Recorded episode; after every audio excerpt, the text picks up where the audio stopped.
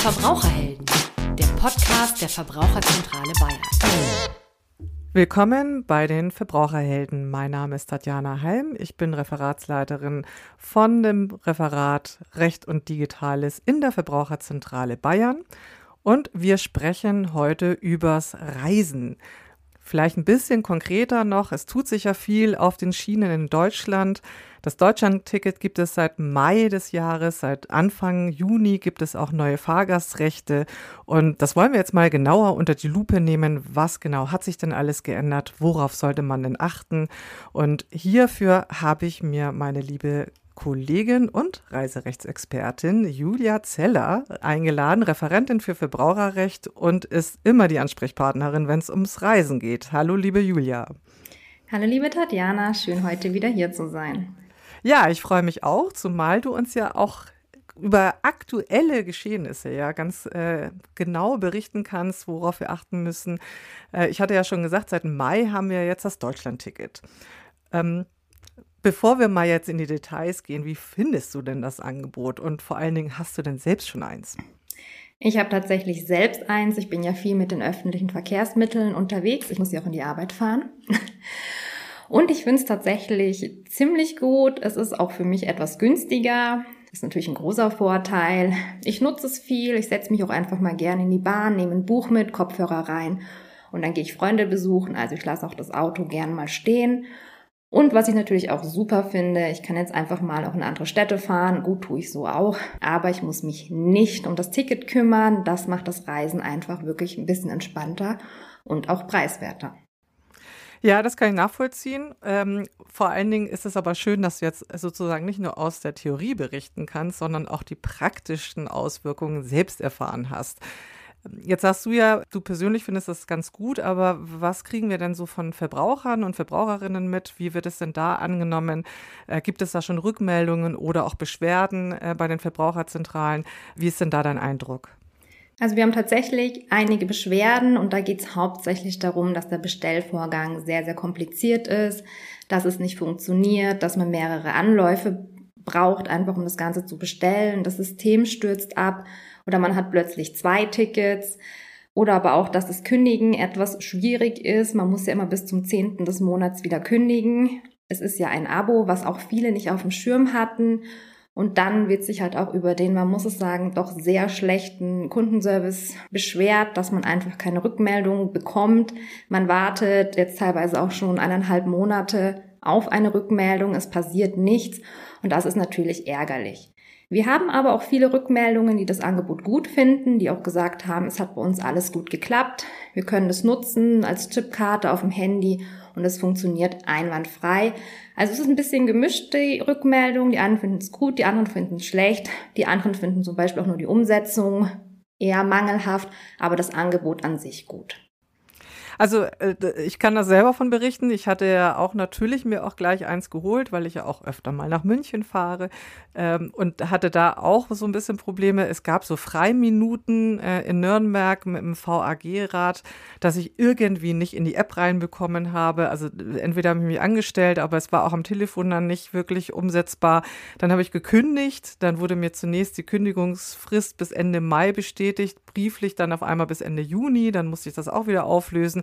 Also auch ich hatte am Anfang, muss ich sagen, durchaus meine Schwierigkeiten äh, mit der ganzen Struktur und äh, ich hoffe oder denke auch, dass es da halt sicherlich auch äh, so Anfangsblessuren sind, die sich dann halt durchaus verbessern werden. Aber das sind so meine persönlichen Erfahrungen. Ist denn bei dir alles gut gegangen oder hast du auch schon das eine oder andere erlebt aus der Praxis? Ich habe tatsächlich auch schon was sehr Kurioses erlebt. Ich habe von meinem normalen Abo umgestellt, schau so zwei Tage später wieder rein, habe ich auf einmal zwei Deutschland-Tickets und ich denke mir nur so, cool, was mache ich damit? Ein Abo umgestellt, zwei Stück, äh, unterschiedliche Abonummer, aber selber Zeitraum, selber Name. Und ich kann ja sagen, ich warte jetzt seit über eineinhalb Monaten auf eine Rückmeldung. Die haben auch doppelt abgebucht, aber die stellen sich tot. Also uns geht's tatsächlich so wie vielen Verbraucher, Verbraucherinnen Tja, ich muss jetzt mal schauen, wie ich weitermache, ähm, weil das lasse ich natürlich nicht auf mir sitzen. Ja, sowas ist wirklich ärgerlich. Also ich muss sagen, ich hatte auch eine Abbuchung ähm, von zwei Monaten auf einmal, obwohl ich ja nur monatlich gebucht habe. Da hat es aber sehr schnell funktioniert ähm, dass ähm, mir dann bestätigt worden ist, dass ich den einen überbuchten, also überbezahlten Betrag sofort wieder zurückgestattet bekomme. Und das hat auch sofort geklappt. Also insofern, ich denke, das sind die Anfangs-Wehwehchen und das wird sich dann alles schon irgendwie regeln, weil das Angebot an sich ist ja eigentlich auch ein gutes. Ähm, jetzt haben wir natürlich so ein bisschen das Negative besprochen, aber wie ist es denn mit dem Positiven? Wie läuft es denn in der Praxis? Kann man denn sagen, dass man, wenn ich jetzt hier in Nürnberg ein Ticket bestelle und mal nach Berlin fahre, nach Hamburg, nach München, dass ich dann wirklich völlig unkompliziert mit diesem einen Ticket überall rumfahren kann? Also soweit wir das mitbekommen, läuft das sogar ziemlich gut. Man darf ja wirklich mit dem gesamten Nahverkehr deutschlandweit fahren. S-Bahn, Bus, U-Bahn. Das funktioniert wirklich gut. Auch mit, der, mit dem Regio darf man fahren. Was man natürlich nicht darf, ist mit den Fernverkehrszügen zu fahren. Da sollte man wirklich dann auch Abstand nehmen und nicht einfach einsteigen und sagen, hupsi. Das wird wirklich nicht gern gesehen. Oder zum Beispiel auch nicht einfach in den Flixtrain oder Flixbus einsteigen, weil das sind ja private Anbieter, die machen da nicht mit. Oder diese ganzen touristischen Busse. Das geht natürlich nicht. Aber der ganz klassische Nahverkehr, das funktioniert. Wir haben auch keine Beschwerden über die Kontrollen. Also das scheint auch alles gut zu gehen. Wichtig ist aber hier wirklich, dass man einen Ausweis dabei hat. Denn soweit ich es mitbekommen habe, die meisten haben kein Foto bei ihrem Ticket dabei. Und es ist ein personalisiertes Ticket, also muss man sich auch ausweisen können, weil sonst fährt man letztendlich schwarz. Also Tipp von mir, immer einen Ausweis dabei haben. Ich habe selbst schon mitbekommen, da waren die Kontrolleure sehr, sehr kulant, die haben geschimpft. Aber sie haben es dann durchgehen lassen, ansonsten hätten die die halbe S-Bahn wirklich aufschreiben müssen. Ah, also ja, stimmt, die Kontrolleure. Jetzt ist es ja so, dass jeder Verkehrsbetrieb ja sein eigenes Ticket hat mit seinen eigenen Regeln. Aber das äh, funktioniert bisher auch. Also da haben wir keine Beschwerden, was die Kontrollen angeht. Oder kann man sagen, da ist jetzt auch so eine Übergangskulanzfrist äh, und das wird vielleicht irgendwann strenger gehandhabt? Also wir haben aktuell keine Beschwerden. Ähm, ich finde, die sind sehr kulant. Es, es reicht tatsächlich, wenn man einen QR-Code vorzeigt oder seine Chipkarte oder den, den Schnipsel. Bei dem ist es ja eh ganz einfach, da steht es genau drauf. Aber ich kann mir vorstellen, dass sie natürlich auch strenger werden, die QR-Codes auch wirklich scannen und auch wirklich auf diesen Ausweis oder Lichtbildausweis dann auch wirklich bestehen. Muss man tatsächlich abwarten, wie sich das Ganze entwickelt, aber ab, aktuell scheint es wirklich zu laufen. Ja, da habe ich ja Glück. Ich habe ja ein Ticket mit einem Foto. Das konnte ich dann quasi beim Hochladen, beim Bestellen, konnte ich dann ein Selfie machen und jetzt ist das Foto drin. Könnte schöner sein, aber ich glaube, es erfüllt seinen Zweck. Also insofern kann ich auch durchaus mal ohne Ausweis unterwegs sein. Aber was gibt es denn sonst noch für Rückmeldungen von den Fahrgästen? Also wie, wir hatten ja jetzt gerade, die Kontrollen sind äh, kulant, es funktioniert auch sonst, aber gibt es noch weitere Rückmeldungen oder Beschwerden von Fahrgästen? Dann kommen tatsächlich die Klassiker, wenn man öffentlich unterwegs ist. Die Züge sind jetzt noch voller, sie fallen gefühlt noch öfters aus, weil man da wahrscheinlich auch einfach öfters unterwegs ist. Also das, was man wirklich so im normalen Alltag hat, wenn man öffentlich unterwegs ist. Übervolle Züge, Verspätungen, Ausfälle. Aber das ist es dann tatsächlich auch schon wieder. Apropos Verspätung. Ich bin ja auch jemand, der viel Zug fährt und habe auch durchaus schon mal das ein oder andere Mal eine Verspätung erlebt. Jetzt habe ich ja mit dem Deutschland-Ticket, kann ich ja quasi free fahren oder zumindest so äh, gefühlt Flatrate-mäßig fahren. Und jetzt, wie ist denn das dann, wenn jetzt der Zug Verspätung hat? Ähm, gelten dann halt diese ganz normalen Rechte, die ich auch vorher schon hatte, wenn ich noch mit dem ICE gefahren bin? Oder worauf muss ich denn jetzt hier achten? Genau, wenn man jetzt mit seinem Deutschlandticket unterwegs ist, dann greifen die ganz klassischen Fahrgastrechte. Das heißt, wenn der Zug über eine Stunde Verspätung am Zielort hat, dann bekomme ich eine pauschale Entschädigung. Hier muss man jetzt nur noch berücksichtigen, wir sind im Nahverkehr. Das heißt, ich bekomme eine Pauschale von 1,50 Euro pro Verspätung, wenn ich in der zweiten Klasse unterwegs bin.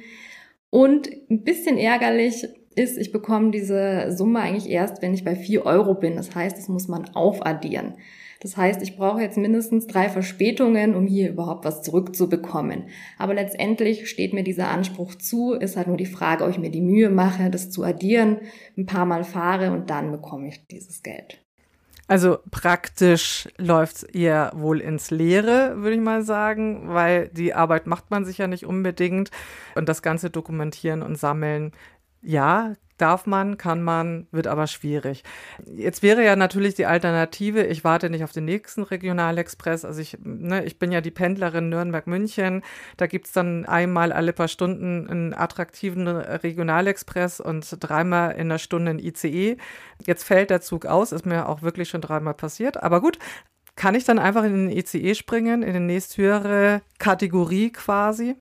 Nein, das darfst du tatsächlich nicht. Verdammt. Vor allem nicht.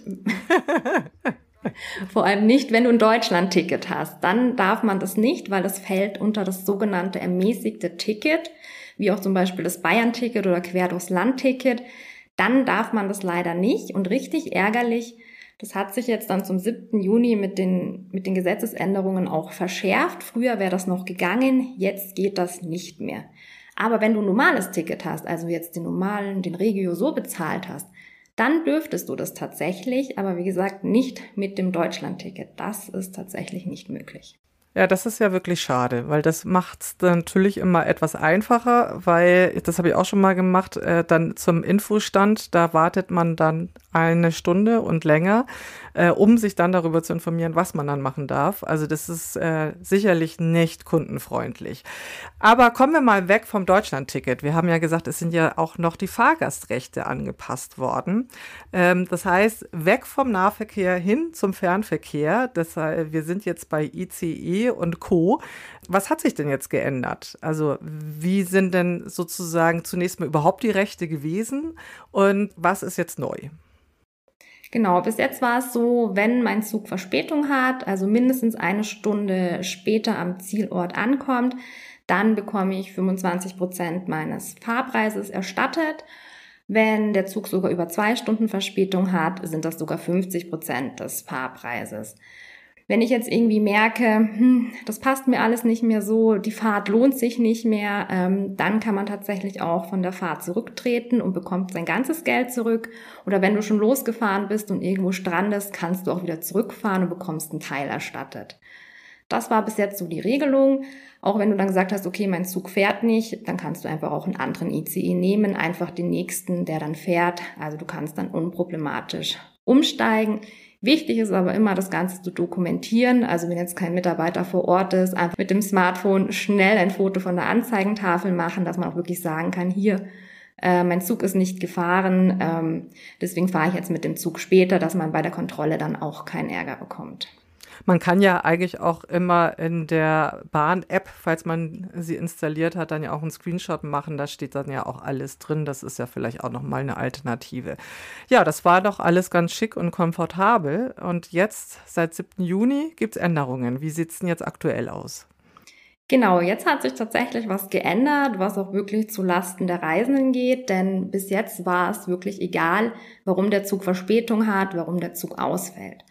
Und jetzt ist es so, wenn die Bahn nichts dafür kann, dass der Zug ausfällt. Also ganz einfach gesagt, die sind nicht schuld, das liegt nicht in deren Machtbereich, das nennt sich dann sogenannte außergewöhnliche Umstände, dann bekomme ich diese Erstattung nicht. Das heißt, wenn ich dann verspätet ankomme oder äh, der Zug gar nicht fährt, dann sind diese 25 Prozent oder 50 Prozent, die bekomme ich einfach nicht. Das kann ja zum Beispiel sein bei sehr schweren Unwettern oder wenn die Gleise durch irgendwelche Sabotagen oder mal weiß, was sonst alles passiert, nicht nutzbar sind oder jemand die Notbremse zieht oder auch Notfall im Zug ist oder zum Beispiel auch Corona wäre so ein Fall dann würde man tatsächlich diese 25 Prozent nicht bekommen. Und hier wird es wirklich spannend, wie die Bahn das auslegt. Ähm, reicht jetzt der normale, also der normale Schneefall im November sollte jetzt nicht dafür ausreichen. Aber was ist jetzt mit diesen ganzen schweren Unwetter, die kommen? Ist es dann noch ein normales Wetterchen oder ist es tatsächlich jetzt schon was Außergewöhnliches? Da müssen wir wirklich mal abwarten, wie das Ganze dann so gehandhabt wird. Also bevor wir da noch weiter vielleicht eingehen, ähm, jetzt war ja aktuell natürlich auch die große Frage nach Streiks. Wie sieht es denn dann beim Streik aus? Ist das dann auch so ein außergewöhnlicher Umstand? Also kann man ja kaum noch sagen heutzutage, aber wie wird es denn rechtlich definiert? Da hat sich Gott sei Dank nichts geändert. Wenn gestreikt wird, wird es immer der Sphäre des Unternehmens zugerechnet. Das heißt, die sind dafür verantwortlich. Und hier ändert sich zum Glück nichts. Das heißt, wenn gestreikt wird, der Zug erheblich verspätet ankommt oder gar nicht fährt, dann bekomme ich diese Pauschale von 25 oder halt auch 50 Prozent. Okay. Und hat sich noch irgendwas geändert? Noch irgendwas Relevantes? Also spannend ist tatsächlich noch, dass die oder das Bahnunternehmen mich auf einen anderen Anbieter umbuchen kann. Es kann tatsächlich sein, dass ich dann ein Flixtrain-Ticket bekomme. Da bin ich persönlich auch wirklich gespannt, ob das so in der Praxis gehandhabt wird oder ob das einfach nur im Gesetz steht und vielleicht für Deutschland gar nicht interessant ist. Ja, das wird wirklich spannend, aber zusammenfassend kann man sagen, dass die Bahnreform, also die Bahngastreform, die Fahrgastrechte jetzt nicht unbedingt eine wesentliche Verbesserung herbeigeführt haben, sondern eher eine Verschlechterung. Und so wie ich das jetzt von dir äh, verstanden habe, wird es eher zu befürchten sein, dass wir über bestimmte Sachverhalte diskutieren müssen. Also wann ist ein Sturm noch normal und wann ist ein Sturm nicht normal? Wer soll denn sowas entscheiden? Also das heißt, am Schluss landet man dann gegebenenfalls vor Gericht. Äh, und dann müssen Richter dann entscheiden, ob damit noch zu rechnen war oder nicht. Das ist natürlich wirklich schade, weil wir ja eigentlich mit den vorherigen Regelungen dann doch ganz gut zurechtgekommen waren und sie zumindest relativ eindeutig waren, oder? Genau, so wird es tatsächlich dann auch ablaufen. Die bisherigen Rechte waren wirklich auch sehr verbraucherfreundlich, Verbraucher, also wirklich auch für die Reisenden positiv, weil man konnte sich einfach darauf verlassen, dass man diese Entschädigung bekommt man muss ja auch sagen, wenn so ein Unwetter ist, es ist ja eh schon anstrengend für einen selber. Man möchte dann auch nach Hause oder einfach weiter. Und dann steht man halt wirklich komplett mit leeren Händen da. Es ist einfach ärgerlich für alle tatsächlich. Na gut, aber dann wissen wir jetzt mal Bescheid. Deutschland-Ticket funktioniert soweit. In den Abläufen ist vielleicht noch etwas Luft nach oben und die Fahrgastrechte könnten vielleicht die ein oder andere Folgediskussion mit sich bringen. Hast du denn noch einen abschließenden Tipp für die Zuhörerinnen und Zuhörer, worauf sie sich vorbereiten sollten oder wie sie sich vorbereiten sollten, wenn sie mit der Bahn unterwegs sind? Also ganz wichtig ist wirklich, sich immer informieren und informiert bleiben. Wenn ich mit dem Deutschlandticket unterwegs bin, wirklich zu schauen, was darf ich fahren, was darf ich nicht fahren. Und wenn ich so unterwegs bin und irgendwas passiert, einfach mal, vor allem wichtig, ruhig bleiben, dokumentieren. Und mein absoluter Lieblingstipp, den beherzige auch immer selber. Ruhe bewahren und Nervennahrung dabei haben. Einmal was zu trinken und ich habe immer Gummibärchen in der Handtasche, weil ich bin jemand, ich brauche das, ich komme dann wieder runter und dann funktioniert das Ganze auch. Bei mir ist es Studentenfutter oder auch mal ein bisschen Schokolade. Aber zu trinken ist natürlich immer wichtig, vor allen Dingen, wenn die Klimaanlage vielleicht dann doch nicht mehr ganz so gut funktioniert. Dann bedanke ich mich ganz herzlich bei dir. Wir brauchen jetzt keine Nervennahrung. Wir sind jetzt informiert ähm, und ganz ruhig und äh, wünsche dir noch einen schönen Tag und gute Fahrten und bis zum nächsten Mal. Herzlichen Dank. Danke, wünsche ich dir auch. Bis dann. Und an alle da draußen, herzlichen Dank. Sie können sich wie immer informieren auf www.verbraucherzentrale-bayern.de oder auf Instagram. Und bis zum nächsten Mal wünsche ich alles Gute. Tschüss. Die Verbraucherhelden, der Podcast der Verbraucherzentrale Bayern.